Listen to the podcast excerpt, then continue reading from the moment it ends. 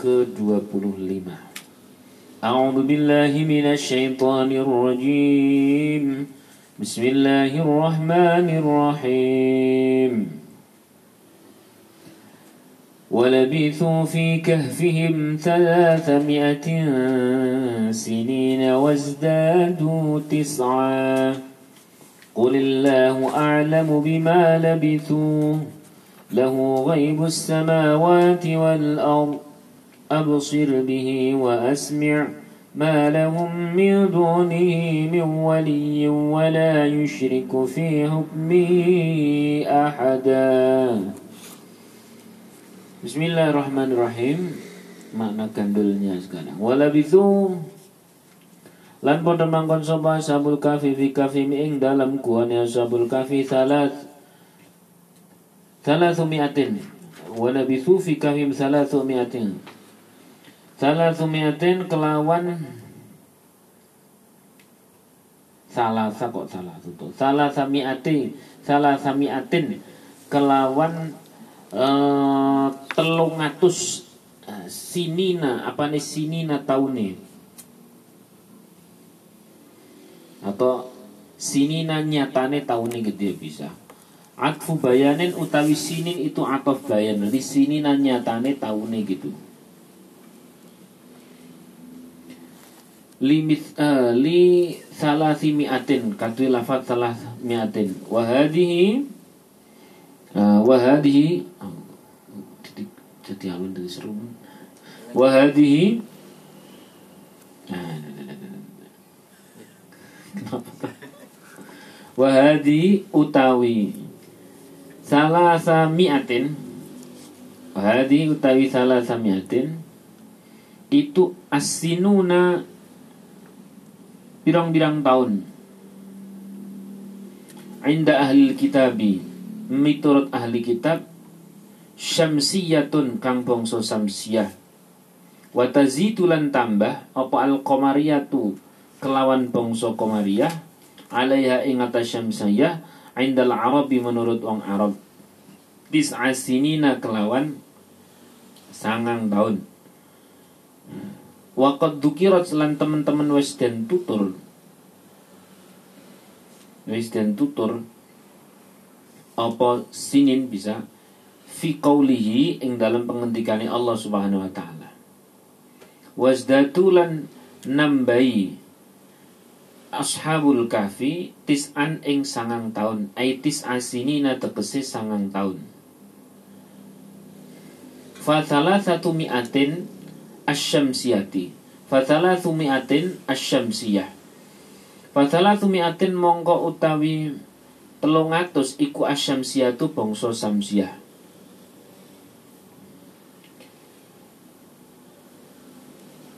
Wasala sumiatin watis'un lan kang bangsa telung atus songo iku koma apa nih komariatan komariai.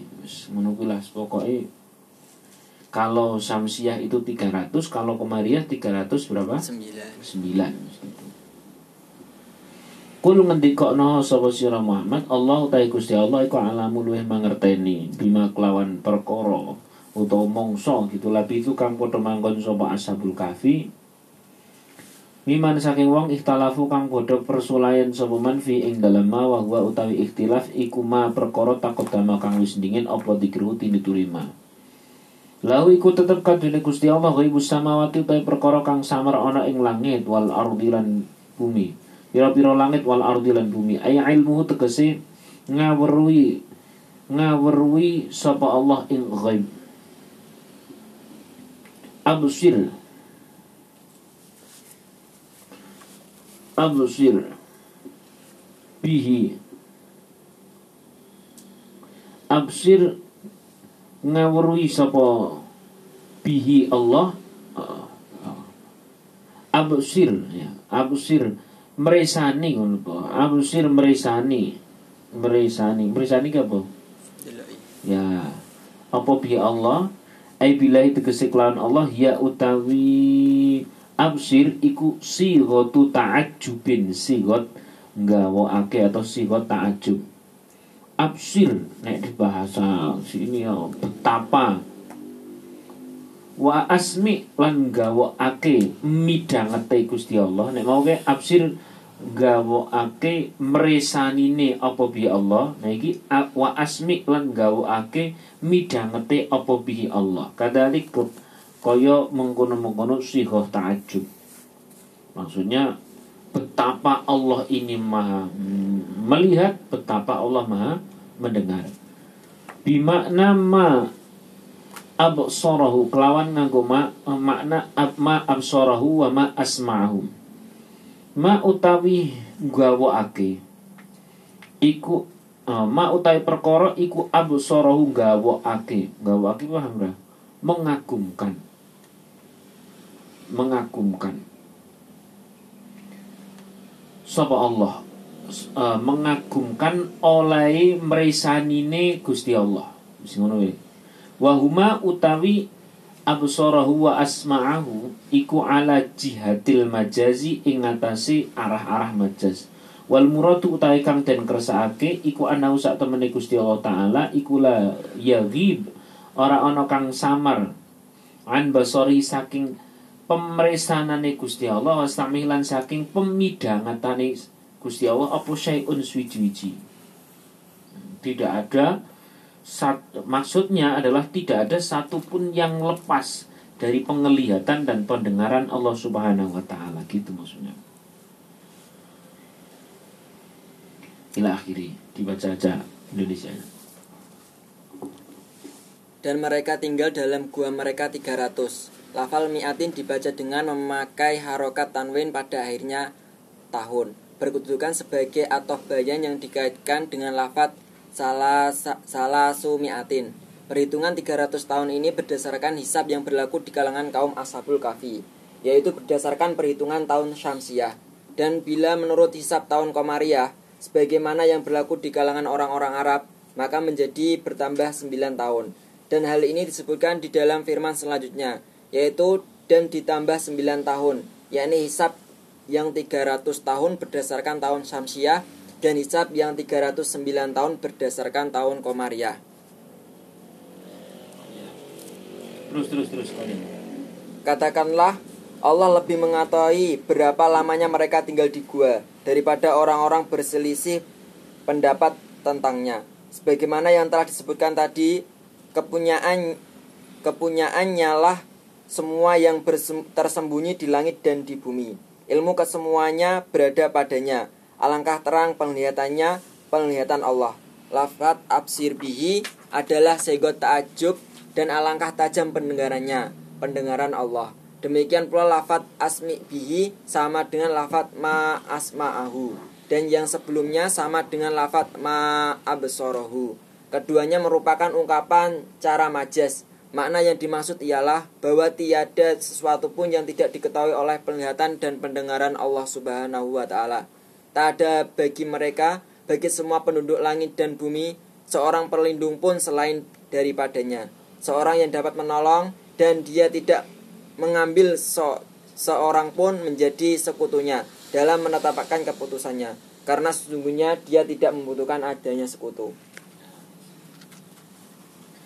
Pada ayat yang ke 25 walabithu fi kahfihim salasamiatin sinina wazdadu tis'an itu terjadi perbedaan para ulama apakah itu langsung itu pengendikan Gusti Allah kalam Allah ataukah itu kalam Allah mengulang dari ucapan-ucapan orang Yahudi Nasrani?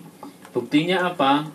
Pada saat walabithu fi kahfihim salasamiatin sinina wazdadu tis'an mereka para ashabul kahfi itu menghuni gua 300 dan ditambah 9 tahun. Terus kemudian dikasih kulillah katakan wahai Muhammad Allah a'lamu bima labithu Allah lah yang paling tahu tentang berapa lama mereka menghuni gua.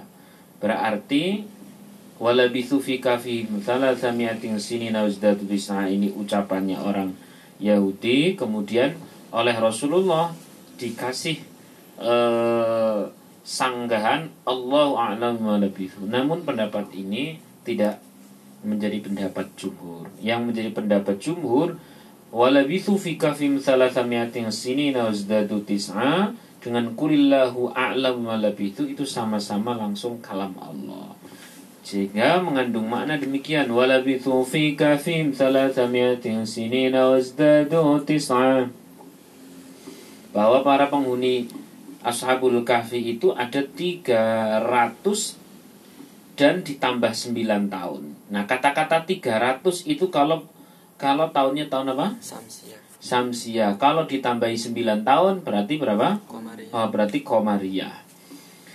Ini merupakan mukjizat Nabi. Sejak awal Nabi itu ummi. Ummi itu apa? Tidak bisa baca, tidak bisa nulis, tidak bisa menghitung. Tapi tiba-tiba pada saat Nadhr bin Harith datang bersama golongannya, kelompoknya yang ingin menguji Nabi, ternyata Nabi bisa menjawab. Padahal jelas-jelas Nabi tidak tidak bisa baca, tidak bisa nulis, tidak bisa hitung, tidak tahu tentang itu. Tapi kemudian menjawab sebagaimana uh, yang menjadi wahyu dari Allah Subhanahu wa taala. Kalau Nabi itu bisa ngitung, bisa baca dan tahu kisah-kisah masa lalu berarti ilmunya tidak orisinil dari Allah melainkan ada campur tangan seorang manusia bernama Nabi Muhammad SAW. Tapi tidak, Nabi Muhammad itu dari awal adalah orang yang ummi. Ummi itu memang kosong. Karena kosong maka diisi total 100% oleh wahyu Allah. Gitu. Nah, Ribin kosong pusing. Pusing pusing isi setan. Dan ini total diisi oleh Allah. Sehingga Nabi itu tidak pernah belajar masalah perbintangan. Tidak pernah belajar tentang Syamsiah atau Komaria ini terpaut menjadi berapa dan sebagainya itu? Tidak pernah. Kenapa kok 300 kalau uh, Syamsiah lalu 309 kalau Komaria karena memang ada keterpautan toh terpautnya. 300 dari Komaria uh, oh, sorry 300 dari apa? Samsia. Samsia. 300 dari Samsia. Itu kalau Komariah menjadi 309 kenapa? Karena tahun Komariah itu lebih banyak daripada tahun Samsia. Terpaut sekian hari yang kalau dijumlah 300 menjadi 9 tahun. Maka 309 tahun. Habis paham belum teman? Lah Nabi itu tidak pernah sama sekali belajar tentang yang kayak gitu-gitu. Tahu-tahu bisa jawab, maka ini menjadi mukjizat bahwa Rasulullah itu memang di bahasanya di strom langsung lah atau mendapatkan informasi langsung dari langit. Namanya wah wahyu. Nah, namanya wahyu setelah itu setelah Nabi Muhammad sudah tidak ada lagi wahyu yang turun. Ya no paling ya wahyu di ada wahyu nih nah ini benar-benar wahyu dari Allah Subhanahu wa taala. Kalau toh ada orang yang disetir oleh Allah yang itu bukan seorang nabi misalkan dia seorang mukmin maka itu bahasanya ilqaul khair fi qalbil mu'min wa ilham. Itu adalah il ilham. Allah menancapkan kebaikan dalam diri inspirasi Allah memberikan menancapkan inspirasi pada diri seorang mukmin itu namanya ilham. Misalnya ujung-ujung Arifin, wah saya ter, langsung terilhami tiba-tiba mantep karo wong lebaran sholat dan semua mantep itu ilham. Nek wahyu sing ngantar itu malaikat Jibril, nek ilham itu yang ngantar namanya malaikat mulhim. Entah itu malaikat siapa tapi mulhim itu malaikat pengantar ilham. Nah, biasanya orang tersebut adalah orang yang tingkat level mukminnya tinggi. Nek ucu-ucu krentek ngono ya iso saka setan wae. Wah, aku entuk ilham. Napa tuh aku ki kudu zina ora masalah. Lah kuwi setan nek. Ya segitu ya. Nah, Kulillahu a'la bima labithu. Walau Allah, walau Rasulullah sallallahu alaihi wasallam sudah menjawab bahwa Para ashabul kahfi itu menghuni 300 atau 309 tahun tergantung nisbat tahunnya Tapi tetap juga Rasulullah mengungkapkan kulillahu a'lam bima labithu. Hal ini menunjukkan sebuah adab. Adab. Jadi nek sampean jawab apa-apa wis rampung apa kasih terakhir-terakhir wallahu a'lam. Allah. Kenapa ya mungkin level Rasul saja masih dijagani dengan kata-kata Allahu a'lamu bima labithu. Kan ini terkait ashabul kahfi. Kalau kita wallahu a'lam. Itu biar tidak ada yang kelewat. Kalau toh ada yang kelewat, kita langsung mengembalikan kebenaran dari siapa? Allah. Lahu ghaibus samawati wal ard. Segala yang gaib yang tidak tampak oleh mata zahir manusia itu ada dalam pengetahuan Allah Subhanahu wa taala as-samawat wal ard. Yang ada di langit dan ada di bumi. Semuanya ada dalam pengetahuan Allah. Absir bi wa asmi' betapa Allah maha melihat betapa Allah maha mendengar. Maksudnya tidak ada satupun yang kelewat dari penglihatan Allah tidak ada satupun yang kelewat dari pendengaran Allah. Bahkan Allah Subhanahu wa taala tidak pernah sedetik pun lengah. Apalagi ngantuk kalau kita ngantuk. Ngantuk. Nah, ini ada kisah dulu itu Nabi Musa Bani Israel itu kan ngengkelan tuh ceritanya.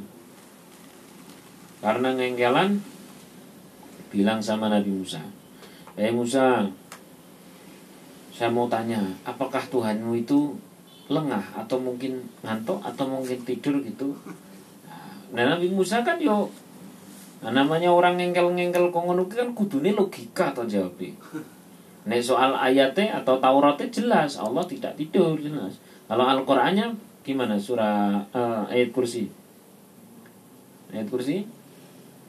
Allahu la ilaha illa huwal hayyul qayyum la ta'khudhuhu sinatu walana Allah itu sedikit pun tidak pernah ngantuk apalagi di tidur. Tapi kan orang-orang Bani Israel itu kan maunya dijawab menggunakan logika. Dan Nabi Musa syukur, oh orang coba wani ke karo Gusti Allah. Ittaqul. Nah, bertakwa kalian kepada Allah, takut kalian kepada Allah. Menurut tak jawab. Tapi rasa jawab. Nah, terus malam oleh Allah Subhanahu wa taala diperintah itu Nabi Musa alaihissalam untuk memegang dua ya kayak ini mungkin ya semacam pembikar atau botol atau apalah pokoknya sesuatu yang kalau jatuh itu pecah.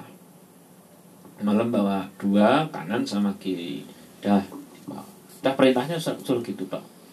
Nah mulai tengah malam itu Nabi Musa mulai lewat nah, tapi itu mulai kayak aku mau kayak wah masya Allah ngambil gerak-gerak wiridan roti pulhatat sih ya Allah tapi memang merah karuan nih dan roti peladat tuh. Ayem banget surambi masalah. Lali utang lali apa lali bojo. Gitu. Aku beli tewis pokoknya. Nah ini Nabi Musa memegang dua ya sebut saja botol begitulah ya. Botol gitu. Mus mulai ngantuk dan sebagainya. Serat serat serat nyaris menjatuhi kaki. Tapi karena diperintah sama Allah kan tetap berusaha semampu sekuat tenaga untuk tetap eksis. Nah tahu-tahu bangun bahwa itu dua botol sudah pecah berarti dia ngantuk. Terus pagi-pagi tanya ini apa ya Allah maksudnya? Jawab kepada kaum kau memegang dua botol ngantuk dikit aja pecah. Bagaimana andaikan aku ini memiliki sifat ngantuk apalagi tidur? Kira-kira bumi langit ini jadi apa? Kok Gusti Allah lengah seret langsung iki bumi ini ber kakar karuan. Paham ya? Nah, gitu. Oleh karena itu, la ta'khudhu sinatu wala naum. Oleh karena itu Duyan zaman pas dia masih kecil gitu kan, nek dong pas lewat gon gon gon sing sepi gitu kon mau coba? Ayat kursi. Umum sampean ora ora khusyuk. Tadi jine aku yo apal. gitu oleh karena itu harus disertai sebuah kesadaran, kekhusyuan bahwa Allah itu selalu memantau, maha melihat, maha mendengar, tak pernah sedikit, pun lengah, tak pernah sedikit pun lalai, tak pernah sedikit pun ngantuk, selalu dalam pantauan Allah, semua suara selalu dalam pendengaran Allah, selalu dalam penjagaan Allah. Atas kesadaran seperti itu, warna seperti itulah, maka kita dijaga. Wadkuruni gimana? Adkurkum gina washkuruli wala takfurun. Ingatlah kepadaku maka aku akan menjagamu dan bersyukurlah kepadaku. Itu ya ini tadi Mas Pri apa lo ternyata Al-Qur'an kudu edok atau Iya. gitu ya. Kata-kata. Alhasil lahu ghaibus samawati wal ard absir absir bihi wa asmi' Allah lah yang mengetahui seluruh perkara-perkara gaib yang ada di langit dan bumi betapa maha mendengarnya Allah dan beta- eh, betapa maha melihatnya Allah dan betapa maha mendengarnya Allah. Tak ada satupun yang lewat dari penglihatan dan pendengaran Allah Subhanahu wa taala. Dan Allah tidak pernah lengah, tidak pernah lalai. Logikanya persis seperti kisah Nabi Musa. Begitu Allah lalai, lengah, apalagi sampai ngantuk, apalagi sampai tidur, ya terus meh dadi opo bilang. Maka Allah ini senantiasa dalam kondisi yang menjaga. Malahum min dunihi min waliyin wa la yushriku fi hukmihi ahada. Ya. Nah, di sini diberikan beberapa penafsiran. Malahum min dunihi min waliyin wa la yushriku fi hukmihi ahada. Ay annahu annahu ta'ala huwa alladhi lahul khalq wal amr alladhi la mu'aqqiba li hukmi wa laysa lahu wazir wala nasir wala syarik wala masyir. Maksudnya Allah Subhanahu wa taala dalam segala penglihatan, pendengaran, kekuasaan itu sama sekali tidak membutuhkan adanya bantuan yang lain. Sama sekali tidak membutuhkan adanya kekuatan yang lain. Allah sendiri mampu melakukan semuanya. Zaman aku iji SMP, datang anak mahasiswa-mahasiswa dari kota ke pondok tanya kepada Pak Kiai. Dikira Pak Kiai Pak Kiai saya kan sepuh sepuh tungkruk tungkruk begitulah ya. Maksudnya beliau sangat nek cara wong ditakoni sing aneh-aneh gitu ya paling-paling jawabannya istighfar iki rasa takon sing aneh-aneh. Tapi ternyata Pak Kiai bisa jawab. Ada mahasiswa ya mungkin dia nek dalam bahasa saya mungkin ngetes kali ya ngetes atau semacam ngeremehke. Nah, bagi saya itu kan orang toriko. Orang toriko kan biasanya wiridan, tidak, pernah bahas yang ilmiah-ilmiah kayak ini, tidak pernah. Mau ngajar ya di pondok, paling ngajar jurumiyah, jurumiyah sama eh, saya pas itu masih kelas jurumiyah. Nah, kemudian datang mahasiswa-mahasiswa untuk diskusi sama Pak Kiai lah Pak Kiai kan mau usi wiridan ya mau habis sholat mau bertanya dan zaman segitu saya masih SMP, tidak tahu itu mahasiswa dari mana, tapi unik-unik pertanyaannya. Salah satu pertanyaannya adalah begini. Pak Kiai, ini jawabannya ada di sini jawabannya. Katanya Allah itu maha kuasa atas segala sesuatu dan tidak perlu sekutu. Tidak perlu sekutu dalam menjalankan semua apa yang menjadi kehendak Allah? Tidak perlu bantuan kan gitu tuh. Nah, malahum min dunihi min waliyyi wala yusyriku fi hukmihi ahada. Tidak sedikit ah, tidak satu pun eh, sekutu ada di samping Allah sudah ada. Tidak ada sama sekali. Dalam di sini bah, bahasanya laisa lahu wazir. Tidak ada kemudian menteri-menteri ini. Wala nasir. Tidak ada lagi kemudian pasukan-pasukan penolong Gusti Allah. Wala syarik. Apalagi sekutu. Wala musyrik. Tidak ada siapa-siapa. Uh, subhanahu wa ta'ala wa taqaddas. Allah benar-benar suci dari semuanya itu semua. Lah pertanyaannya begini Pak Kiai pertanyaannya. Kenging nopo nek kirim wahyu ndadak lewat malaikat Jibril Kenapa bagi rezeki lewat malaikat siapa? Siapa malaikat bagi rezeki? Ayo, ayo, ayo. Hah? Malaikat Israel itu pencabut nyawa. Kenapa kalau mencabut nyawa lewat malaikat Israel? Kenapa kalau menanyai itu harus pakai asisten bernama Mungkar dan Nakir? Gitu dewe sing bocah-bocah cah cilik-cilik Pak Kiai sakit jawab ora kuwi malah wiridan terus bae. kita kita kita kita sing masih kala itu masih SMP itu wah Deg-degan. deg-degan ini pakai dan itu mahasiswanya banyak dan saya yakin itu mahasiswa dan benjane yo ngetes gitu. Lah Pak Kiai jawab simpel. selain kholik namanya makhluk.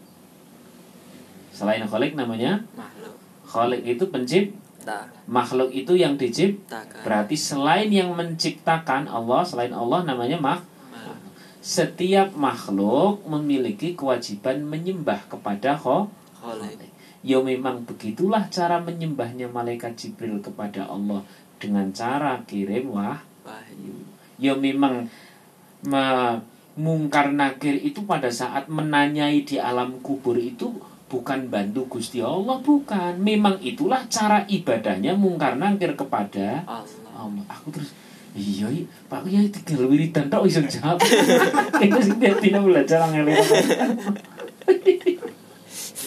bisa ya? Nggih Insya Allah.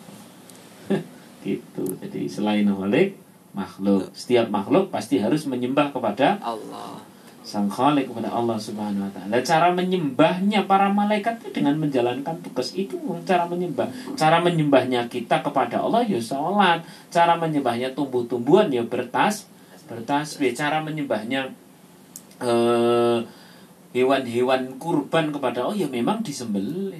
Jadi beda-beda. Baik, paham ya?